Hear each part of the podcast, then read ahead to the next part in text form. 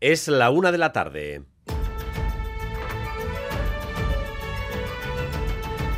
Crónica de Euskadi con Dani Álvarez.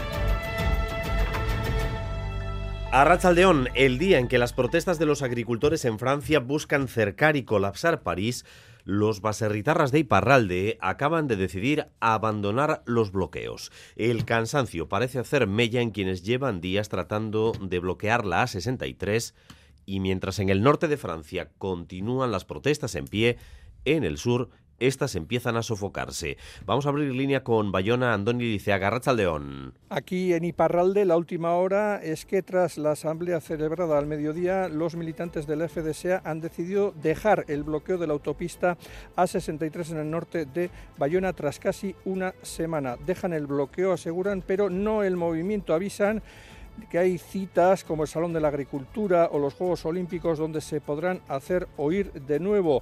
Los anuncios del primer ministro Gabriel Atal no han sido suficientes en su opinión. Escuchamos a Patrick Echegaray. Bai, erabakia hartia dugu, ben, gaur atxalde honetan hementik joanen gira. Benan, bon, behar balimada berriz ginen gira, hori benetako aberti du, mendu bat da bakarrik egiten alginen aste bat, zamoste egun gehiago. Benan, bon, uh, gure borroka segituko da, eh, gure lehen ministroak ez ditu eh, repostu guziak ekarri janastian, eta behar balimada berriz ginen gira hunat edo beste noapeit. Y Parralde verá cómo se pone fin a las protestas, pero el gobierno intenta evitar en estos momentos que París quede bloqueado por una tractorada. ¿Cómo están las cosas, Xavier Madariaga? Sí, porque al contrario que en Iparralde, después de una semana de protestas, la movilización no decae en Francia. Solo en la región de París se ha movilizado a 15.000 agentes para evitar el desastre en las carreteras, desastre que los agricultores pretenden provocar lanzando a las autopistas en torno a 600 tractores con los que quieren bloquear sobre todo la capital francesa, pero también los accesos a las principales ciudades del hexágono. A partir de las 2 esperan lo peor en París. Las carreteras del norte y del este están siendo por ahora las más perjudicadas. Si miramos al mapa de carreteras en tiempo real, las mayores retenciones a esta hora se están dando entre Lyon y Marsella. Es la cólera de los agricultores franceses que por ahora no aplacan ni las promesas de medidas adicionales que ayer mismo les hizo el primer ministro Atal. 48 horas después de ser aclamado por el PNV como el próximo candidato al Endacari, Manuel Pradales prepara su campaña para darse a conocer y dar a conocer su proyecto. Aún no hay fecha para las elecciones, pero ya en el discurso del sábado perfiló cuáles creen que deben ser las prioridades del país. Una de ellas, según ha vuelto a remarcar esta mañana en ETV1, osakidetza. Eta egia da baita ere zauri batzuk dauzkagula sisteman. Eta zauri horiek sendatu beharra daude. Sistema sendoa badaukagu, baina sistemak bilakaera bat behar du. Eta hori ez da egingo egun batetik bestera. Egin behar da tentuz, egin behar da gauzak ondo eginez, tontakeririk ezin dugu egin, Osakidecha y el autogobierno entre las principales ideas de Pradales como candidato al Lendakari en sus primeras intervenciones, cuando el actual Lendakari va hoy a Bruselas. Migración y acogida, euskera, y derecho a decidir en su agenda. Y Manuel Manterola. Sí, son algunos de los temas que van a centrar este viaje oficial del Endacari hasta el miércoles. Primera parada esta misma tarde con Margariti Chinas, es vicepresidente de promoción del estilo de vida europeo. Es el responsable en materia de migración y asilo y es aquí en el Endacari va a presentar el modelo vasco de acogida. El viaje oficial tendrá su último encuentro el miércoles en un futuro, en un foro, perdón, sobre autodeterminación previa reunión con el presidente de la Generalitat, Pera Aragonés.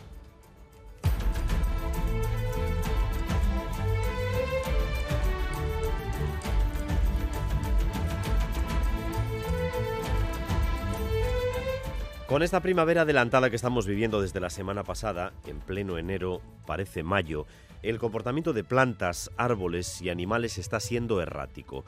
Los plazos normales y habituales de floración y migraciones han saltado por los aires y la naturaleza parece haber enloquecido. Escuchen lo que nos decían hace unos minutos en Boulevard Miquel Baztán, técnico de medio ambiente en el Ayuntamiento de Villava, o Juan Ignacio Deán de la Asociación Ciencias Naturales Goristi que, no es algo puntual, que vemos que es una tendencia muy clara, muy constante, va a repercutir también en la producción de alimentos. Es algo que nos tendría que preocupar para empezar a mover los recursos hacia un cuidado del clima. Las grullas que recién estaban bajando hace 15 días, ahora ya están subiendo. Hay un cierto momento entre final de diciembre y final de enero, ya no estás muy seguro si las grullas les toca bajar o les toca subir.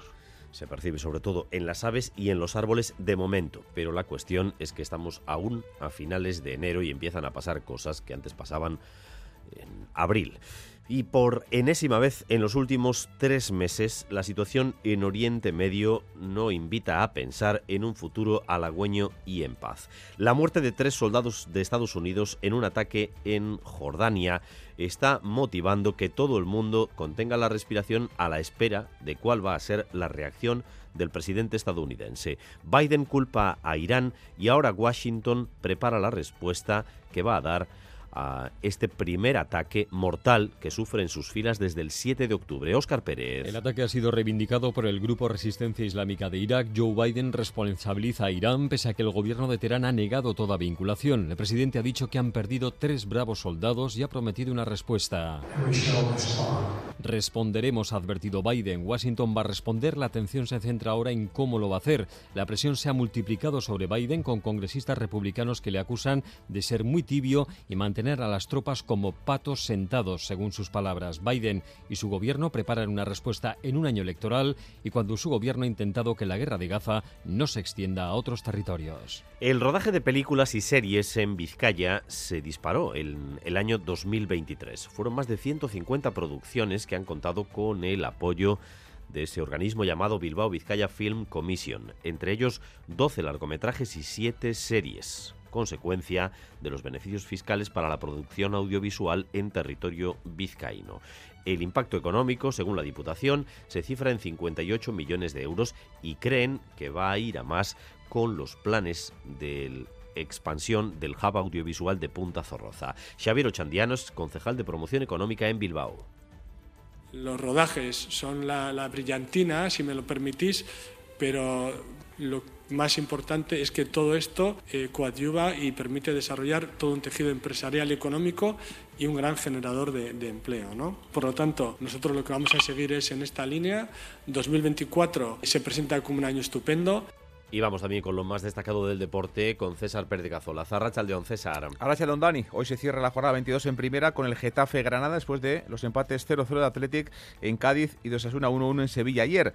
El equipo rojiblanco volviera ahí después de cuatro meses sin jugar, volvía al 11, no lo hacía por lesión desde el pasado mes de octubre y los rojos ante Budimir hizo el gol de Osasuna, el décimo en su cuenta particular en liga y está ya Budimir, la historia de Osasuna, es el delantero croata el tercer goleador de la historia del club en primera con más eh, tantos. Y este lunes, primera semifinal de las Winter Series de Cesta Punta en Guernica, Goico Lequerica ante Johan Sorozábal e Imanol López. Muchas miradas y puestas en los dos veteranos puntistas Zumayarras.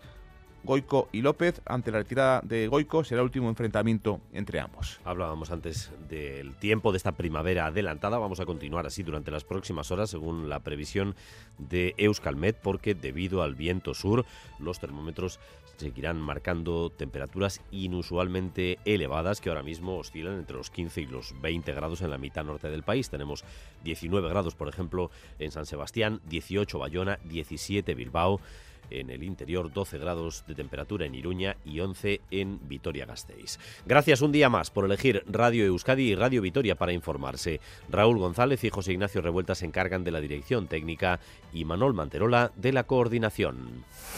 Crónica de Euskadi con Dani Álvarez.